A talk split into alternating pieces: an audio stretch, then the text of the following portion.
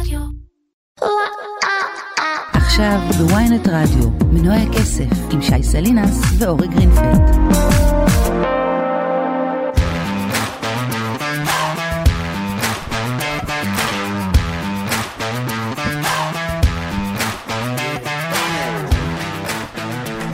זה קרה רק לפני שבוע.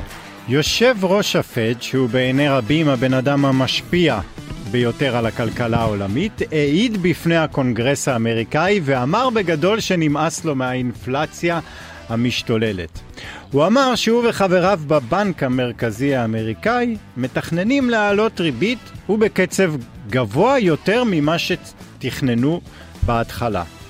אבל כל זה שייך להיסטוריה הרחוקה שהייתה ביום ש... רביעי שעבר. אם היום הייתה מתקיימת העדות, סביר להניח שהיושב ראש פאוול היה משנה אותה לחלוטין. בשבוע אחד הפכה שיחת היום בוול סטריט ובעולם הכלכלי מבכמה תעלה הריבית למתי היא כבר תרד. ומה גרם לכך? זה התחיל בקריסה של בנק סיליקון וואלי האמריקאי מקליפורניה, שגררה מחיקת ענק של כמעט 500 מיליארד דולר ממניות הבנקים. וזה נמשך עם הנפילה והחילוץ של אה, בנק קרדיט סוויס השוויצרי ומחשבות שהתחילו להזכיר לחלק מהסוחרים אי שם את 2008. אבל רגע, מה בעצם קורה פה? נגמרה האינפלציה? אין יותר עליות מחירים? זה לא מטריד? הסכנה לכלכלה חלפה? ברור שלא. האינפלציה בארצות הברית עדיין גבוהה. גם בישראל היא ממשיכה להדאיג, והדילמה של הבנקים המרכזיים, האם להמשיך להעלות את הריבית, גדולה מתמיד. ועל כך אנחנו נדבר היום בפרק נוסף של פודקאסט מנועי הכסף של כלכליסט עם הכלכלן והאסטרטג הראשי של פסגות, אורי גרינפלד, אהלן אורי. אהלן שי. וטוב אורי, אנחנו, איזה שבוע עמוס, מאוד מאוד מאוד, כל יום קוראים מטורף. ממש. מטורף, אה, דיברנו לפני התוכנית, היום אה, בבוקר אמרנו אנחנו צריכים איזה ארבע שעות אה, של תוכנית לכל מה שקרה. אבל נאלץ להסתפק בשעה אה, ונתמצת את כל מה שהיה.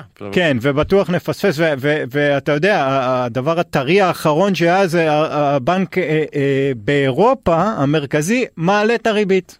כן, זה קרה ממש- ממש לפני שעה. ממש עכשיו, ואפילו הפתעה פה, אתה יודע, עם מה שקורה בקרדיט סוויס ובכל מה שקורה בבנקים, ותכף כן. נרחיב לגבי כל זה. בא הבנק המרכזי האירופי ואומר, חבר'ה, הכל רעשים, אני ממשיך לעשות את מה שאני צריך לעשות, וזה להילחם באינפלציה ומעלה את הריבית. אה, השאלה המעניינת, וננסה לענות עליה, היא מה זה אומר לגבי הפד, ואולי עוד יותר מעניין אותנו, מה זה אומר לגבי בנק ישראל. בהחלט.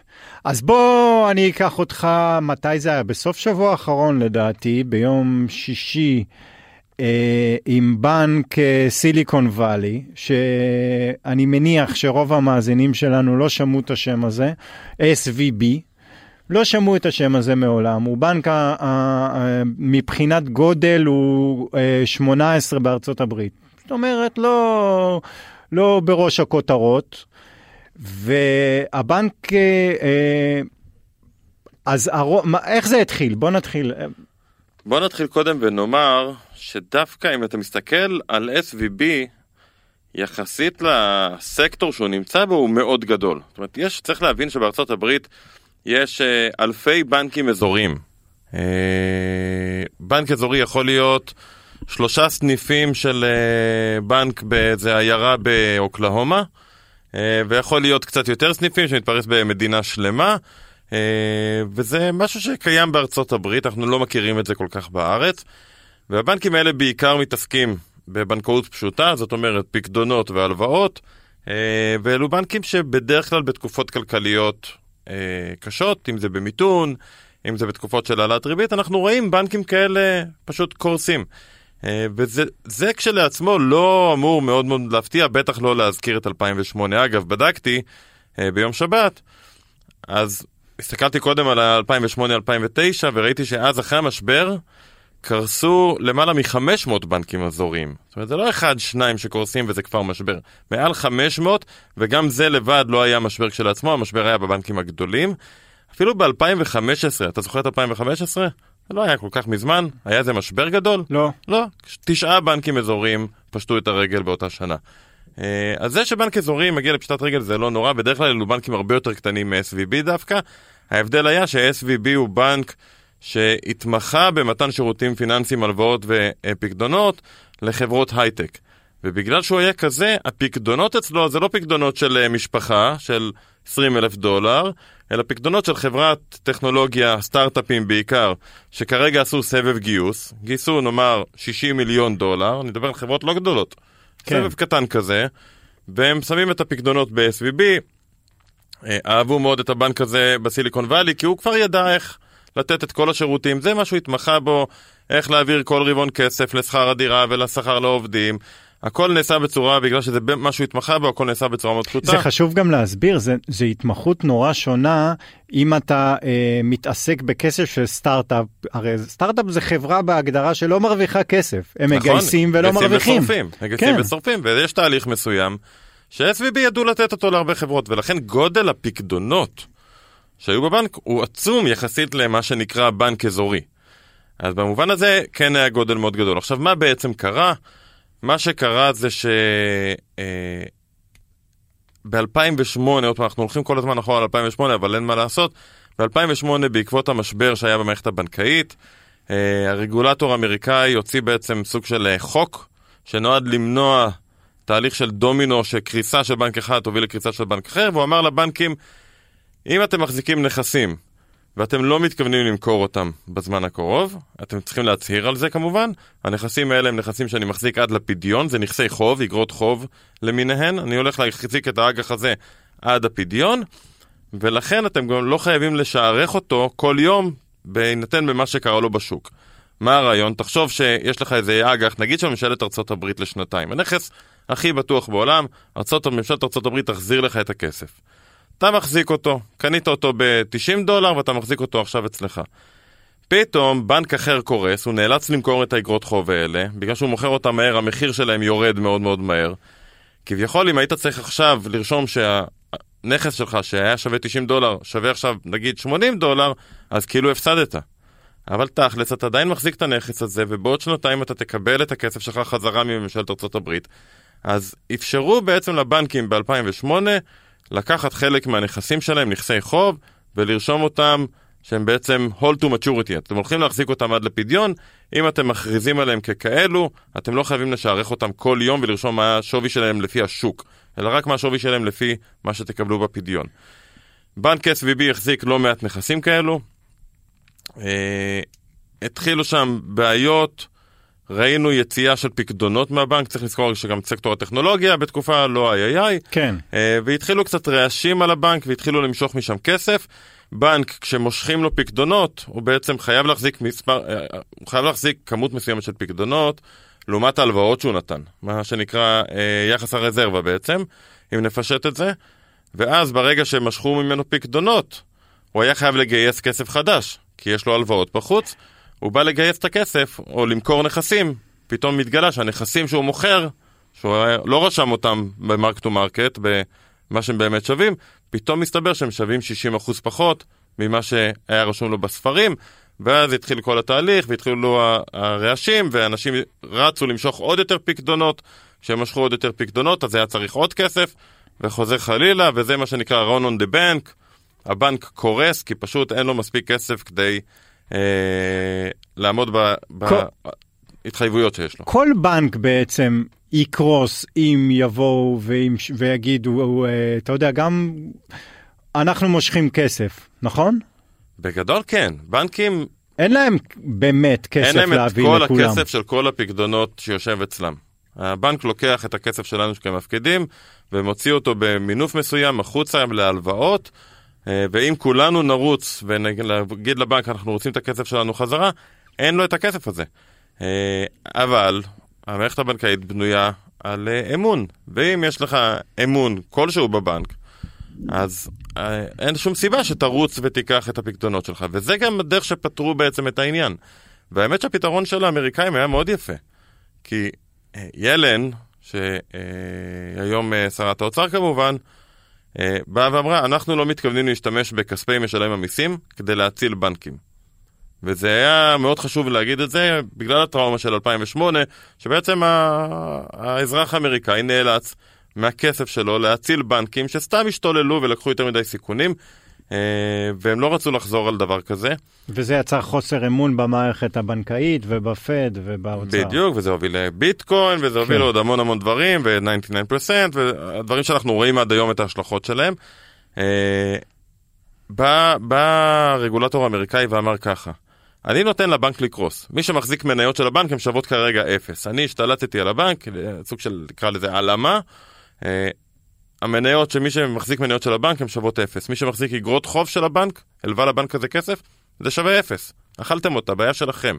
את הפקדונות, זאת אומרת, מי שנתן לבנק כסף, והשאיר אותו שמה וציפה לקבל אותו חזרה, את זה אנחנו מבטחים. אתם תקבלו את הכסף שלכם חזרה.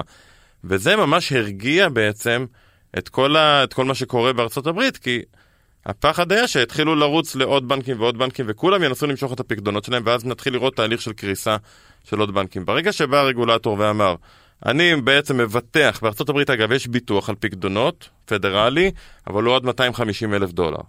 ב-SVB מן הסתם רוב הכסף, 90% מהכסף שם, סליחה, 90% מהחשבונות, היה להם יותר מ-250 אלף דולר, כי אלה okay. חשבונות אוקיי. של חברות. אז כאילו הכסף לא היה מבוטח, והרגולטור אמר, חבר'ה, אל תדאגו, כסף שלכם עדיין שלכם, אה, קצת נעשה פה סדר, אבל אתם תקבלו את הכסף חזרה אה, מתי שתרצו, וזה קצת מרגיע את העניינים. ואז ראינו עוד שני בנקים גם, שהיו להם צרות די דומות ל-SVB, גם הם קורסים, אבל עדיין הכסף של הפקדונות מובטח, אה, וזה בגדול פתרון די נוח, מאוד יפה. יכולות להיות לו השלכות לטווח ארוך, רשמתי על זה איזשהו פוסט, אבל אה, בסוף כן הרגולטור האמריקאי עצר את הכדור שלג מלהתגלגל. כן. אה, ואפשר להגיד שביום, מיום ראשון, שהודיעו על זה בעצם שבת בלילה, הם הודיעו על הפתרון הזה, עד יום רביעי, הדברים היו יחסית רגועים. עוד פעם, סקטור הבנקאות ירד מאוד חזק. כן. כי בא האוצר, בא הממשל ואמר, מי שמחזיק מניות של בנק שקורס, הלך לו הכסף. אנחנו לא הולכים לבטח לכם את המניות. את הפקדונות אנחנו מוכנים לבטח. אז ראינו ירידות, ראינו לא שני בנקים שהמניה שלהם קורסת 60 אחוז, וראינו יותר יותר דיבורים שוב, על... שוב, בנקים קטנים, בנקים, בנקים קטנים אזוריים קטנים, כן. אחד מתמחה בקריפטו, השני... אה, אפילו אני לא יודע במה הוא מתמחה, אבל עוד פעם, זה שבנק אזורי קורס, אין לזה השלכות מקרו-כלכליות. זה הדבר החשוב פה. תראה, אם היו נותנים לפקדונות של SVB לקרוס, תחשוב שאתה חברת סטארט-אפ, וגייסת 100 מיליון דולר, שמת אותם ב-SVB, או אפילו שמת חצי רק ב-SVB וחצי השארת בבנק לאומי. ופתאום ה-50 מיליון דולר האלה לא קיימים. אתה, אין לך מה לעשות, אתה חייב לפטר עובדים, אתה חייב לקצץ אה, הוצאות כמה שאתה יכול. כנראה הכסף... אתה סוגר את החברה, ככל כן, הנראה. או, ב, בתרחיש הסביר אתה סוגר את החברה, בתרחיש האופטימי אתה מתחיל לעשות קיצוצים משמעותיים, כי הכסף הזה אמור להחזיק שנתיים, פתאום חצי ממנו נעלם. כן. וזה לא שהיום קל לחברת אה, סטארט-אפ להתחיל לגייס כסף. גם ככה סקטור הטכנולוגיה כן. במצב כזה שקשה לגייס. וזה היה הפחד, שהתהליך הזה יוביל לתרחיש מקרו מאוד בעייתי ועלייה באבטלה וסקטור שהוא סקטור בסוף חשוב גם בארצות הברית, גם בישראל אגב, אה, יסבול מאוד, ואת זה ידעו לעצור. וזו נקודה מאוד חשובה. אז סקטור הבנקאות המשיך לרדת, ראינו עוד בנקים שעל סף קריסה, אה, אבל סך הכל הדברים היו די רגועים. עד ליום אה, רביעי, או חמישי אפשר להגיד, כן. אה, שפתאום ראינו שגם אה, בנק אה, כבר לא קטן ולא אזורי, אה, אלא בנק ענק, אה, כן. בשם קרדיט סוויס, אה, גם כן נמצא בצרות והמניה שלו ירדה בחדות, שזה סיפור אחר לגמרי, הוא, הוא בסוף אותו סיפור, אבל הסיבות הן אחרות לגמרי. קרדיט סוויס כבר, המניה שם יורדת מ-2022 בחדות. הם הסתבכו באיזה שבע שערוריות שונות. אם זה כסף שסוחרי סמים הלבינו דרכם, ואם זה הלוואות שהם נתנו לכל מיני, איזה תוכנית פירמידה. זה בנק, קרדיט סוויס זה בנק שוויצרי, שהרעיון של בנק שוויצרי זה שלא שואלים שאלות. כן. אז הם ממש כנראה לא שאלו שאלות. והם הסתבכו והיה רצף של שערוריות שגרמו בעצם להרבה אה, אנשים להוציא את הכסף שלהם מקרדיט סוויס. הוא היה על סף קריסה ממש. הוא היה על סף קריסה, כן, כבר ב-2022 כבר דיברו על הבעיות שיש שם והזרימו כסף והזרימו כסף. והאחרון שבעצם הזרים כסף לבנק ועזר להם, או הזרימה, זו הייתה אה, הקרן הסעודית. אה, שבפעם האחרונה שקרדיט, עכשיו עוד פעם נזכיר, כל פעם שבאים ומושכים פקדונות מהבנק, הבנק חייב להביא כסף אחר, כי הוא נתן הלוואות מול הכסף הזה. אז כל פעם הם הלכו לעוד גיוס הון ועוד גיוס הון, ובפעם האחרונה מי שהציל אותם הייתה הקרן הסעודית, שהלוותה להם, אה, השקיעה בהם לא מעט כסף, כדי שיהיה להם הון והם לא יקרסו. היא מחזיקה שליש מהבנק. לא שליש, עשרה אחוזים אני ראיתי. אוקיי. אה, ויכול להיות שזה שליש, אבל מה, מה שבעצם גרם לנפילות של יום רביעי, זה שה... לא יודע אם הוא המנכ"ל או יושב ראש של הקרן הסעודית, אה, התראיין איפשהו. כן, בבלומברג. ושאלו אותו, אם קרדיט סוויס יצטרכו עוד עזרה, אתה תיתן להם? אז הוא אמר, תקשיבו, הגעתי למקסימום שאני יכול לתת. יש כן. לי חוקים, אני לא יכול, עוד פעם, להיות יותר מ-10 אחוזים, יותר משליש מגוף מסוים. אלה המגבלות שלנו בקרן, אז אני, גם אם אני ארצה, אני לא אוכל. ואז פתאום הבינו שאם הם יצטרכו עוד כסף אין מי שיציל אותם, אז אם אין מי שיציל אותם, אז זה הזמן להתחיל להוציא את הפקדונות שלך, ואף אחד לא רוצה להישאר אחרון, והתחיל עוד פעם תהליך הזה, והמניה חטפה מאוד. אה, בינתיים מי שבא להצלה פה זה הבנק המרכזי של שווייץ. אבל רגע, לפני, התגובת שרשרת הייתה שהמון בנקים אירופיים גדולים של 20 ו-30 מיליארד גם איבדו 10 ו-15 אחוז במהלך המסחר. כן, צריך להגיד שקרדיט, קודם כל, תמיד יש את השאלה אם מה שקורה בקרדיט יקרה גם בבנקים אחרים. במקרה הזה, כנראה ש... עוד פעם, לכל הבנקים יש בעיות. כשהריבית עולה זה מה שקורה. כשהריבית עולה, לבנקים הופך להיות יותר קשה. אה, אגב, למשל בארץ אתה רואה שזה מצב הפוך. בארץ אתה רואה שהריבית עולה, אז הרווחים של הבנקים גם עולים. בארצות הברית, אם אתה מסתכל על פקדונות שהבנקים נותנים, הממוצע, לפי הנתונים של הפד, הממוצע היום במערכת הבנקאית בארצות הברית על פיקדון זה 1.36%. הם מפוצצים בנזילות שנתנו להם במשך שנים. הם לא צריכים את הפקדונות שלך, אז הם נותנים ריבית נמוכה. עכשיו, אם אני יכול לקבל 5% על האג"ח של ממשלת ארצות הברית, או יכולתי לפני שבוע, כן. אה, לשנתיים, אני אקח את הכסף מהפיקדון ואקנה בו איגרת חוב של ממשלת ארצות הברית. ואז כשהריבית עולה זה בעצם מייצר מצב שכסף בורח מהמערכת הבנקאית וזה תמיד מייצר חשש. באירופה הפחד הוא אחר, והפחד הוא יותר באמת מהידבקות שדומה למה שהיה ב-2008, כי קרדיט סוויס הוא בנק ענק, הוא בנק, והבנקים הגדולים זה לא רק הלוואות ופקדונות. יש להם שלוחות בכל דבר, וזה אם זה אה, בגופים מוסדיים שמושקעים, אם זה בביטוח, אם זה בחדרי מסחר. אלה בנקים שבעצם הם סופרמרקט פיננסי. זאת אומרת, אה, גדולים מדי בשביל לתת להם לקרוס. אסור לתת להם לקרוס. בגדול, כן, בגדול זה משהו שלמדנו ב-2008, אפשר להתווכח על זה, אפשר להגיד, או, אם לא ניתן להם כל פעם לקרוס, אז הם כל הזמן ימשיכו לקחת אה, אז הם- סיכונים, מה אה, אכפת כן. להם? אה, בגלל זה אהבתי אגב את, ה- את מה שהאמריקאים עשו, הם נתנו לבנק לקרוס, אבל השאירו את הפקדונות. עוד פעם, יכולים לעשות את זה בבנקים קטנים, לא יכולים לעשות את זה אה, בבנק ענק כמו גולדמן או ג'יי פי, זה, זה בלתי אפשרי. אה, אז השאלה היא באמת, מה, בינתיים הבנק המרכזי השוויצרי אמר שהוא יזרים להם אה, 50 מיליארד אה, פרנק, כדי שהם לא יקרסו. הפחד הוא שאם מה זה יזרים? הוא... הוא, הוא... נותן להם הלוואה, מלווה, כן. כן. אה, אם נגיע למצב שקרדיט סוויס ממש מגיע לדיפולט, לפשיטת רגל, יהיו לזה עוד גלים. כי כל הבנקים בעולם חשופים לקרדיט סוויס, נתנו לו הלוואות. הרי יש מסחר גם בין הבנקים, כן. בנזילות. בנק אחד צריך בבוקר נזילות, הוא לוקח הלוואה מבנק אחר, זאת ריבית הליבור. הליבור זאת ריבית בעצם האינטרבנק רייט.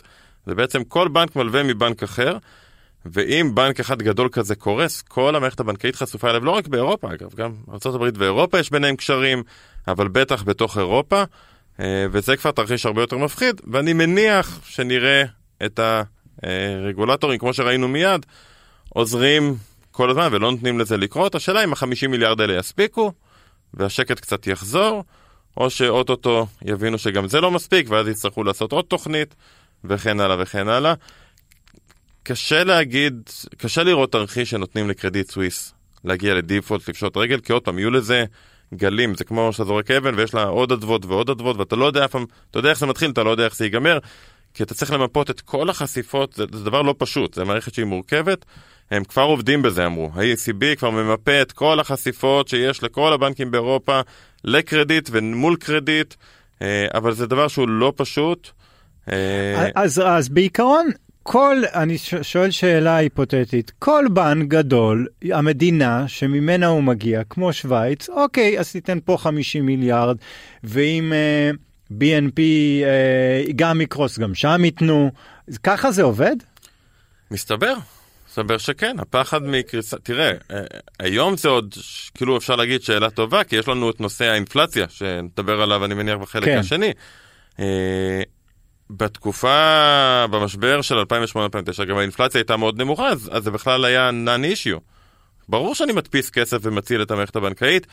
אבל לא הסקנו מסקנות, כי הרי האינפלציה שאנחנו מקבלים עכשיו זה ההשלכות של החלוקת כסף שהייתה בקורונה, אז, זה ש... אז זה הרבה, אפשר להתווכח, אבל זה, האינפלציה שאנחנו רואים היום היא בגלל תקופת הקורונה, היא לא בגלל המדיניות של 2008.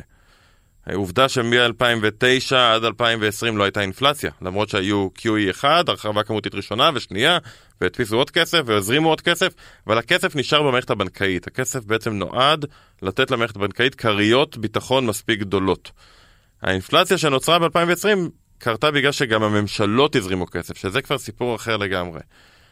אה, תראה, אפשר לשאול את השאלה הבעיה, אגב, הבעיה העיקרית בהזרמות האלה זה לא שמייצרות אינפלציה, כי הם כנראה לא, אם הכסף נשאר שמה, הבעיה המרכזית זה התמריץ השלילי שאתה נותן, המורל ההזארד שאתה נותן למערכת הבנקאית, ואתה אומר למנהלים שם בבנקים, תכף תהיה התאוששות, הכלכלה תחזור לצמוח הרי, נכון? כן. אה, זה עניין של שנה-שנתיים נגיד, אז כשהכלכלה צמח, תיקחו כמה שיותר סיכונים, תשתוללו, תיקחו אין סוף סיכונים כדי שהרווחים של הבנק בתקופת הצמיחה יהיו גבוהים. אתם תיקחו את הבונוס הכי גבוה, אם הבנק שלכם יעשה רווח יותר גדול. וכשיבוא downturn, בדיוק, כן. כשיבוא downturn והריבית תעלה ויהיה מיתון, אז הבנק יקרוס, מה אכפת לכם? אנחנו נציל אותו. כן. ה moral hazard הזה הוא מאוד בעייתי. מצד שני, קריסה של מערכת בנקאית זה אירוע שכנראה אף אחד לא רוצה לראות, כי זה, צריך להבין, הכלכלה של היום, תמיד היה, אבל היום ביתר שאת, כי העולם הוא עולם שמוטה לאשראי, הכלכלה של היום תלויה במערכת הבנקאית. אם בנקים קורסים ואין אשראי, אז פירמות קורסות בלי סוף, ואז משקי הבית קורסים, ואנחנו יכולים לחזור לתרחיש של שנות ה-30 של המאה הקודמת, שאז זה לא היה כזה, אתה יודע, מיתון של שנה, או מה שאנחנו קוראים soft landing, או קצת hard landing. זה היה 15 שנה של מיתון, ואבטלה של 25%, וסנטרל פארק היה בעצם עיר של אוהלים, כי לאנשים לא היה איפה לגור, ובברודוויי, במקום אה, חנויות של לואי ויטון, היו תורות למרק ופסטרמה. כן. אני מניח שאף אחד לא ייקח את הסיכון לחזור למקומות האלו. אגב, אה, אה, לא ראינו נגיעה, זאת אומרת, בימים שהיו את הירידות, ביום רביעי שהיה את היום ה, ה, עם הירידות החדות באירופה ובבנקים, ראינו תגובה של הבורסה בארץ, אבל אי אפשר להגיד שהבנקים בארץ מושפעים ממש מהמצב. טוב, שהעלית את זה, אפשר להגיד שהם לא. המערכת הבנקאית בארץ, לטוב ולרע, בנויה אחרת לגמרי ממערכת הבנקאית, בטח בארצות הברית, אבל גם מהבנקים הגדולים באירופה, הרבה יותר סולידית, אה, הרבה יותר רווחית. אה, עוד פעם אפשר להתווכח על התחרות למשל, אה, שיש פה פחות, אבל אה, החשש שנגיע פה למצב, אפילו אם קצת אנשים ימשכו את הפקדון, והם לא, כי אין להם סיבה. אבל גם אם נגיע למצב שיגיש קצת משיכות של פקדונות, הכריות הון של הבנקים פה הן ענקיות, ואין שום חשש, אני חושב, אף פעם אפשר להגיד 0% סיכוי, אבל הסיכוי שנראה פה בנק, מחמשת הבנקים הגדולים שיש, אה, זה מה שיש, כן. אה, מגיע למצב של אה, קשיים וקשיי נזילות. לא, וגם אם כן, יש, אתה תמיד יודע שיצילו. זאת אומרת שזה לא כזה סיפור. זה יהיה סיפור גדול, אבל בסופ, בסופו של דבר יצילו, זה גם אגב קרה ב-2008. ב-2008 שהיה, כן, כן. וברגע שיש לך אימון, כמו שאמרת בהתחלה, אין לך סיבה למשוך את הפיקדון שלך. בדיוק. אתה לא חייב אותו ללחם ול... אה, בדיוק. טוב, אוקיי, אנחנו אה, נצא להפסקה ומיד אחר כך נדבר על אה, עוד נושאים. תודה שחזרתם אלינו, ובכל הבלגן הזה, כאילו לא היה חסר לנו השבוע אה, דברים, אה, פורסמו נתוני האינפלציה. אה, כמובן גם בארצות הברית, וגם בישראל. ועוד טיפה לפני שנבין את ההשלכות ואת הדילמה הכל כך גדולה שיש לבנקים מרכזיים עם הריבית, בואו נבין קודם מה הנתונים שיצאו. אז דבר ראשון, בארצות הברית האינפלציה אה, אה, השנתית על 6 אחוזים. ואפשר להגיד חדשות טובות? לא, האמת שלא. אי אפשר להגיד חדשות טובות? כי יש פה ירידה אמנם באינפלציה, היא הייתה 6.4 אחוזים וירדה ל-6 אחוזים כמו שאמרת, אבל תראה, הפד מסתכל, ואמרנו את זה כבר בעבר, הפד, ככה הוא אומר, מה שמעניין אותי היום זה מדד הליבה, זאת אומרת בלי אנרגיה ומזון, כי הם, אני מניח שהם ירדו, כי ראינו שמחיר הנפט ירד, זה לא קשור למדיניות שלי, זה בעצם מה שהוא אומר.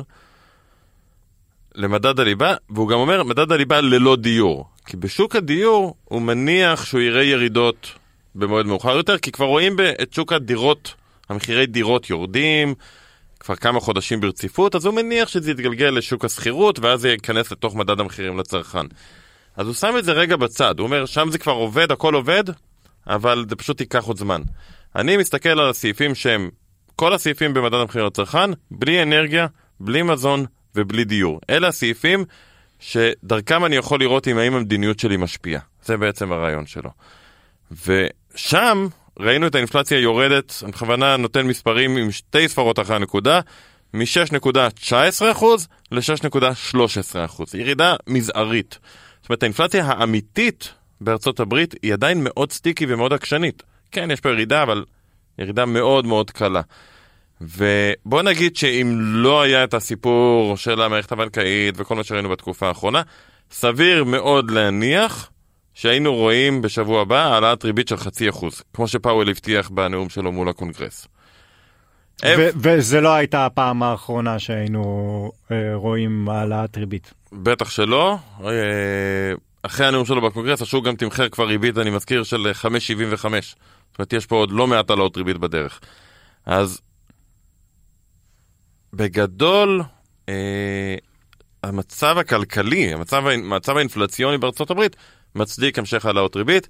אני כאן כן שם כוכבית קטנה, כי יצאו עוד שני נתונים שקצת, עם כל הבלגן, השוק התעלם מהם ולא שם לב, הם עברו מתחת לרדאר, וזה שמדד המחירים ליצרן בארצות הברית, יש מדד מחירים ליצרנים בעצם, שהוא בדרך כלל מתגלגל במועד מאוחר יותר לצרכנים. זאת אומרת, אם המחירים של היצרנים עולה, אז גם המחירים של הצרכנים יעלו אחר כך. שם דווקא ראינו ירידה יפה אה, באינפלציה, ויכול להיות שזה יקל על לחצי האינפלציה בחודשים הקרובים.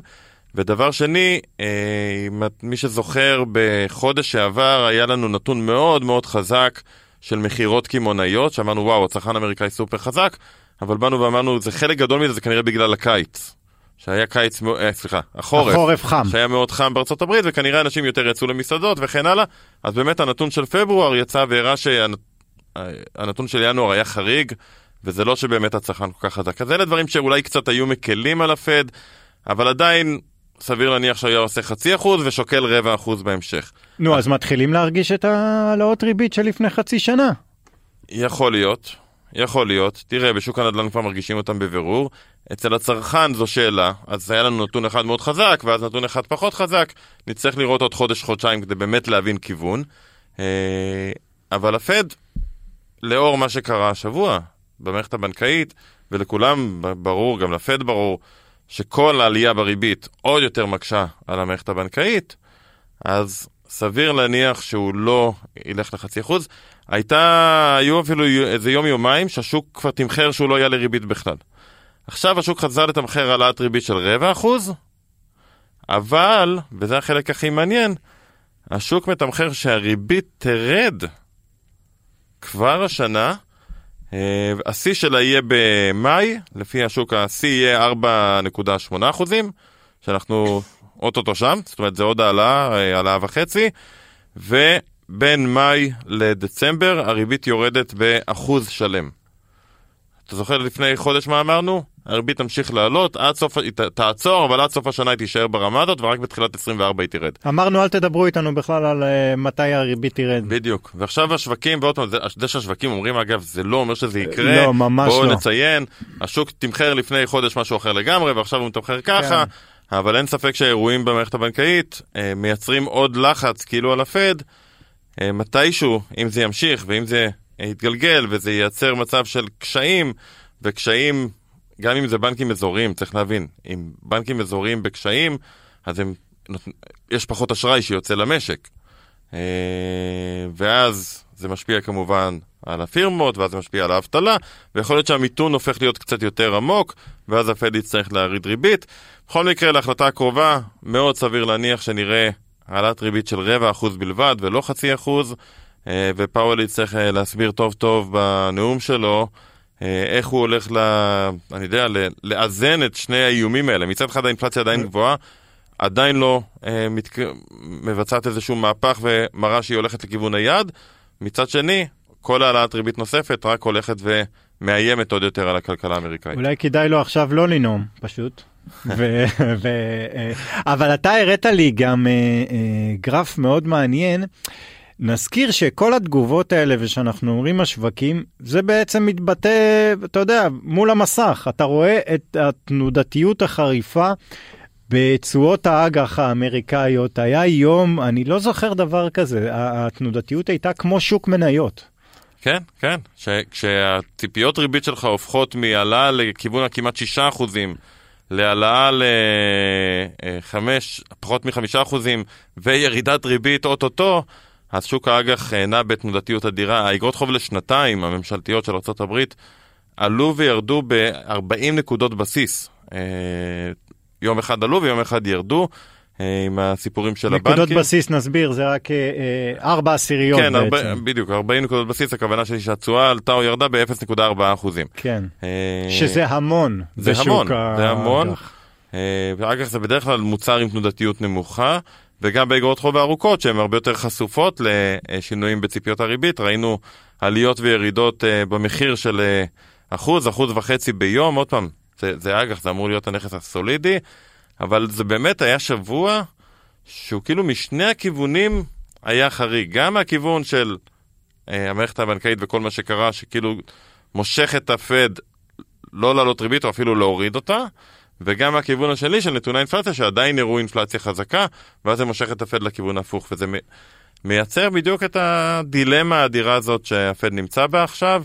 תראה. אה, ונראה, נצטרך לחכות ולראות. עוד לפני, אנחנו גם, אנחנו נדבר מיד על ישראל, אבל יכול להיות, אתה יודע, כל הזמן דיברנו אה, אה, מתי הפד יחליט להפסיק להעלות את הריבית ולהוריד אותה. אולי האירוע הזה שקרה עם אה, SVB ובאירופה עם הבנקים, אולי זאת הנקודת קיצון שהוא היה צריך אותה, אתה מבין? במרכאות היה צריך, כי לא... כאילו הסולם לא, בשביל לרדת מהעץ. בדיוק. זה הנקודה, יאללה, מפה, אוקיי. השאלה הנה הורדת ריבית. אם האינפלציה תמשיך להיות עקשנית, אני בטוח שהוא לא רוצה הרי להעלות ריבית, דיברנו על זה הרבה פעמים. הבנקים המרכזיים היו שמחים לא להעלות ריבית. הם יודעים שהעלאת ריבית פוגעת באנשים, הם יודעים שזה מעלה את האבטלה. אף אחד לא אוהב להעלות ריבית. אבל בסוף יש להם מטרה, והמטרה היא לנצח את האינפלציה. ואם הם יפחדו שהאינפלציה פשוט לא יורדת וממשיכה להיות ברמות מאוד, גם 6% זו רמה מאוד גבוהה עדיין. וזו רמה שאם אתה לא מטפל בה, יכולה פתאום לעלות לרמות יותר גבוהות ולייצר איזה כדור שלג. בסוף אני עדיין חושב שהאינפלציה זה הדבר המרכזי שהם ישימו לב אליו. ברור שבשנייה, בריח הראשון שיגיע אליהם שהאינפלציה, זהו, נרגעה, האינפלציה, אני מתכוון לאינפלציית הליבה, אה, ללא דיור, ואם נראה אותה באמת מתחילה לרדת, ובעיקר אם נראה את שוק העבודה נרגע, ושיעור האבטלה קצת עולה, והלחצים על השכר, שראינו את זה קצת בדוח התעסוקה האחרון, לחצים על השכר נרגעים. הפד יחכה להזדמנות הזאת, בטח בגלל הבנקים, אבל אני חושב שזה תנאי שהוא, איך אומרים, תנאי מספיק, אבל לא הכרחי, כן. הפוך, אני לא טוב בדברים האלה. כל עוד האינפלציה גבוהה, הוא לא, הוא לא יעצור את העלות הריבית ולא יוריד את הריבית בטח, כי יותר חשוב לו הנושא של האינפלציה מהנושא של בנקים שלקחו יותר מדי סיכון, ושיתמוטטו, הממשל יציל את הפקדונות. ונצטרך להתמודד עם ההשלכות. אז אתה אומר נכון לעכשיו יותר אכפת לו מהאינפלציה ולא מהכלכלה, נכון ל... ל... לא מהבנקים. הכלכלה, עוד אה, פעם, כן, כל עוד אין השלכות כן. מקרו-כלכליות, אם בנק גדול יגיע למצב של חדלות פירעון, הוא עוצר את הריבית. זה, זה ברור. כי בנק גדול זה כבר השלכות מקרו-כלכליות. זה כל שוק האשראי נעצר. אתה יודע, אני זוכר שב-2008 היה יום אחד שעלות ההלוואה ליום, ליום אחד הייתה 4.5 אחוזים, אני חושב. שוק האשראי נעצר, אף אחד לא מקבל, הבנקים, כל דולר שהיה להם, חיבקו אותו כל כך חזק, מהפחד שהם הבאים בתור לקרוס. ואז אין אשראי. עכשיו, אם אין אשראי, אין סקטור עסקי. כן. כי חברה, יש לה, אתה יודע, מלאי, והיא צריכה כל הזמן, היא עובדת על אשראי. ואז אם לא, בנקים לא נותנים אשראי, הסקטור העסקי קורס. אתה מתחיל לראות פשיטות רגל של חברות, אתה רואה פשיטות רגל של חברות, אתה רואה גל פיטורים אדיר. לבנקים הגדולים, אמרנו, אי אפשר לתת להם ליפול, כי אם ייתנו להם ליפול יש לזה השלכות מקרו-כלכליות אדירות. אם נגיע למצב כזה, אין לי ספק שהוא עוצר את העלאות הריבית. אבל אנחנו לא שם. בוא נדבר קצת על ישראל, כי איכשהו זה נראה כאילו התעסקנו רק בעולם ו... אה, כי פה משעמם, אתה יודע. לא קורה כלום, כן. אתה אומר. קמים בבוקר ו... בבוקר עולים על- רכבת כי אי אפשר לנסוע, ומגיעים אחרי שעתיים למקום שאתה רוצה כן, להקריא. כן, כן, כן, אבל גם מעבר לזה, אה, דבר ראשון היה נאום יוצא דופן של הנגיד ל-CNN, אני עד היום לא מבין למה הוא צריך לדבר באנגלית ולהגיד את הדברים האלה ולא לדבר בעברית ולהגיד את אותם מה דברים. שמדהים זה שהוא חושב שכשהוא מדבר ב-CNN אנחנו לא נשמע את זה או כן, משהו. כן, או כן, או אם ב- אתה ב- כבר אומר את זה שם אז תגיד את זה גם פה. זה היה, בוא נסביר רק, זה היה אה, אה, אה, ספיישל של ריצ'רד קווסט מ-CNN, שהוא עשה על כל הנושא שקורה בישראל, וזה שודר בלילה, והוא ראיין כמה אנשים מישראל, חלק מזה אה, הנגיד. והנגיד אה, אמר שהוא מודאג אה, ממה שקורה עכשיו, וזה נעשה חפוז, ובבוקר כל הכותרות בישראל היו כאלה. בוודאי. למה אם אתה בסדר עם להגיד את זה ב-CNN אז תבוא ותגיד את זה בעיתונות המקומית. אה, אולי יותר נוח לו עם אנגלית, אני באמת, אני בלי ציניות אומר את זה. אתה רוצה לשמוע את דעתי? כן. המראיינים ב-CNN יותר טובים, יודעים להוציא את ה- את הדברים האלו. לא, אתה רוצה לשמוע את דעתי? טוב, כשאתה הולך עיתונאי. להתראיין בבלומברג, והנגיד מאוד אוהב להתראיין בבלומברג או ב-CNN, אז אתה יודע שבשביל לקבל זמן מסך אתה צריך להגיד משהו. ופה בישראל כנראה לא. הבנתי. אה, בכל מקרה, נאמרו הדברים. נאמרו. אה, ואני חושב שאין היום אה, אף צד במפה הכלכלית, לפחות, שלא... מה זה לפחות? בטח במפה הכלכלית, בשאר המפות יש המון צדדים, אבל במפה הכלכלית יש די קונצנזוס מוחלט. אם זה... אנחנו רואים אצל בכירים באוצר, ואם זה בבנק ישראל, ובטח באקדמיה, יש תמימות דעים. אה, לגבי אה, הנושא של החקיקה החפוזה והרפורמה וההשלכות שיכולות להיות, אה, ונראה לאן זה, זה מוביל כמובן. השאלה עד כמה בנק ישראל ייקח את זה בשיקולים שלו בקביעת הריבית, זו שאלה מעניינת, כי אם אנחנו מסתכלים על ישראל מבחינת האינפלציה, כן. אז בניגוד לארצות הברית, שאתה יודע, אתה אומר, "זה יורד, אולי לא מספיק, אבל יורד. בישראל, עוד פעם המדד הפתיע כלפי מעלה, ראינו את המדד עולה בחצי אחוז, מדד פברואר, הצפי היה לעלייה של 0.3, אז אמנם האינפלציה, לא דרמטי. לעומת 0.3 חצי זה בדרך כלל כן דרמטי. אה, ואולי חשוב יותר, אינפלציית השירותים פה בישראל, אינפלציית השירותים זה דומה מאוד למה שהפד מודד בארצות הברית, כי זה מה שמושפע בעיקר משוק העבודה. המוצרים בישראל מושפעים לא מעט ממה שקורה בחו"ל, כי חלק גדול מהמוצרים מיובאים, ומשאר חליפין, ומסחורות וכן הלאה. אינפלציית השירותים זה כאילו האינפלציה של הכלכלה, אינפלציה הדביקה, והיא מאיצה עדיין. היא עדיין מאיצה מ-5.6 ל-5.7, זאת אומרת שהאינפלציה בישראל רק הולכת ועולה. בעיניים של בנק ישראל, עוד פעם, לא בנתון הסופי, אבל בעיניים של בנק ישראל, במה שחשוב, האינפלציה רק הולכת ועולה, אה, וזה בהחלט מקום לדאגה. ואנחנו נגיע לישיבה אה, של אה, תחילת אפריל, אם אני לא טועה בשלישי באפריל הישיבה, ובנק ישראל מסתכל, הוא רואה את האינפלציה עולה, הוא רואה את הסביבה אה, הפוליטית ואת ההשלכות שיכולות להיות, יכול להיות שיהיו, יכול להיות שלא יהיו, אבל הסיכון לגבי שער חליפין קיים, שזה עוד מקור שיכול לייצר אינפלציה קודם. הוא רואה שהמערכת הבנקאית פה, ברור לו שהיא לא המערכת הבנקאית האמריקאית, ויש הרבה פחות חשש.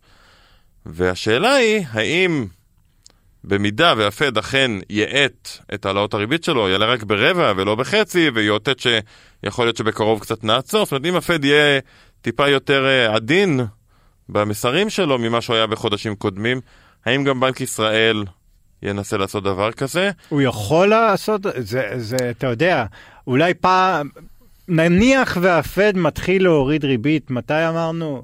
במחצית השנייה של השנה. מה, בנק ישראל יכול להגיד, טוב, נו, סבבה, שיעשה מה שהוא רוצה, אני ממשיך לעלות? אה, אני חושב, תראה, בסוף היעד של בנק ישראל, המנדט שלו, הוא להילחם באינפלציה בישראל. זה לא רלוונטי בכלל מה קורה בארצות הברית. יש כמובן השלכות נגדות, אם מורידים את הריבית בארצות הברית והריבית פה נשארת גבוהה יותר, על פני זמן זה יכול לחזק את השקל, החיזוק של השקל יביא לירידה באינפלציה. אבל כל עוד האינפלציה פה בישראל נמצאת איפה שהיא נמצאת, רחוק מאוד מהיעד, והיא אפילו לא יורדת, אלא אפילו עולה. זאת אומרת, עוד פעם, אינפלציה עולה, זה לא רק שהמחירים עולים, הם עולים בקצב שהולך וגובר כל הזמן.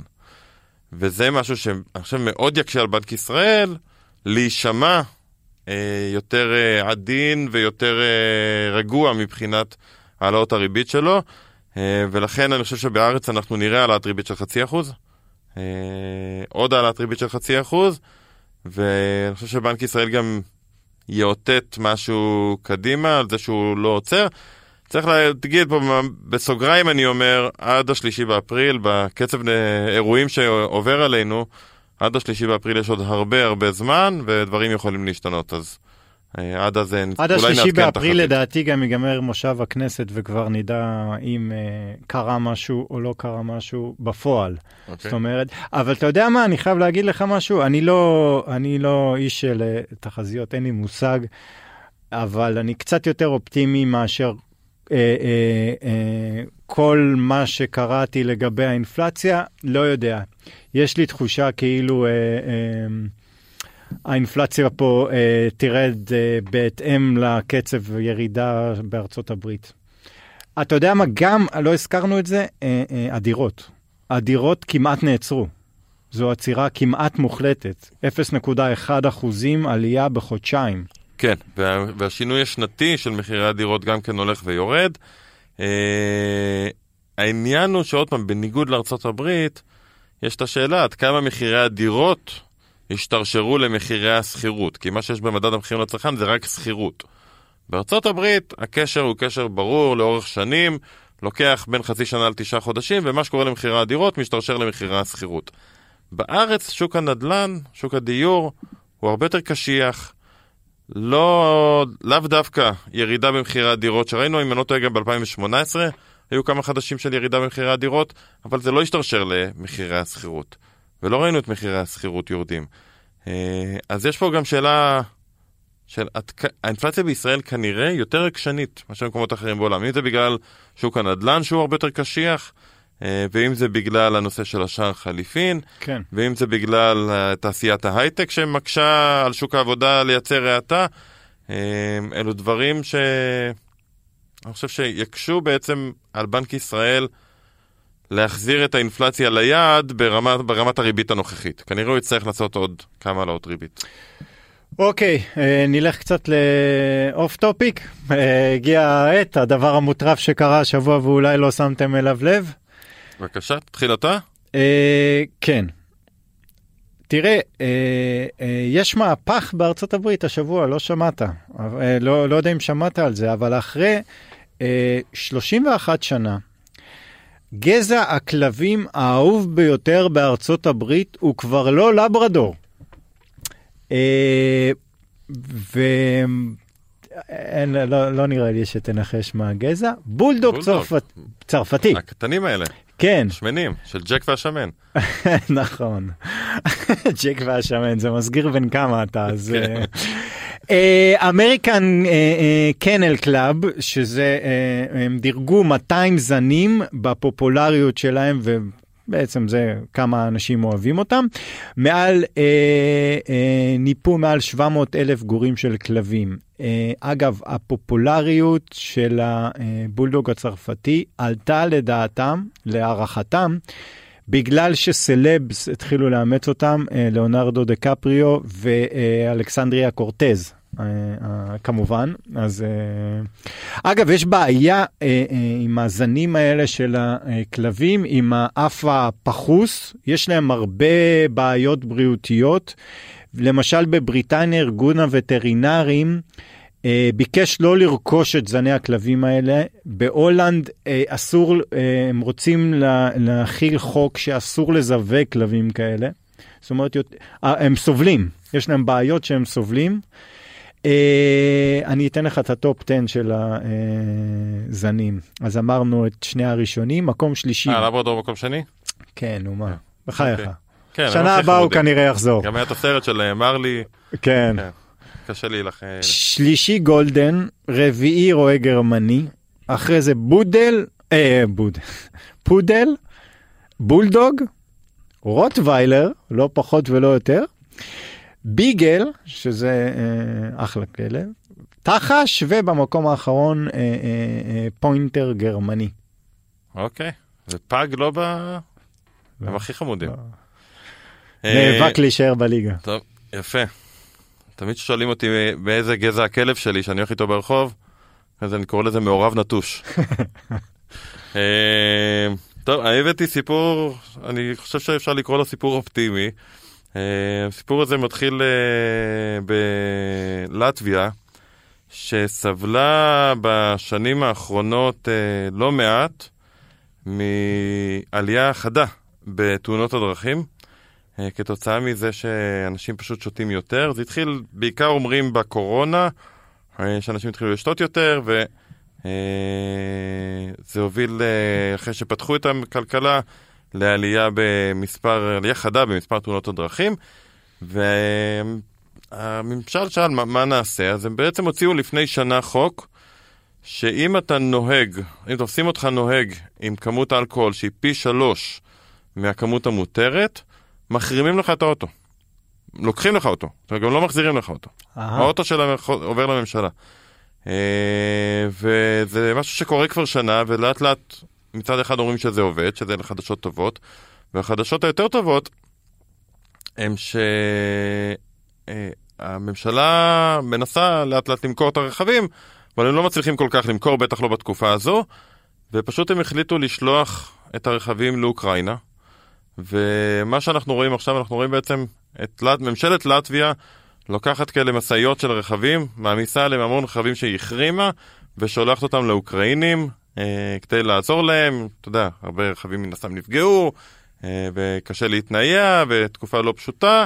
אה, גם ככה, אז פשוט הממשלה הלטבית אה, מספקת, יש כאלה שמספקים טנקים, הם מספקים רכבים של אלכוהוליסטים מעניין. לאוקראינים. ווין ווין. ווין ווין, בדיוק. תודה רבה לכם שהאזנתם, תודה לטכנאית שלנו צליל שילוח ולעורך דביר חזן, אנחנו נשתמע בשבוע הבא.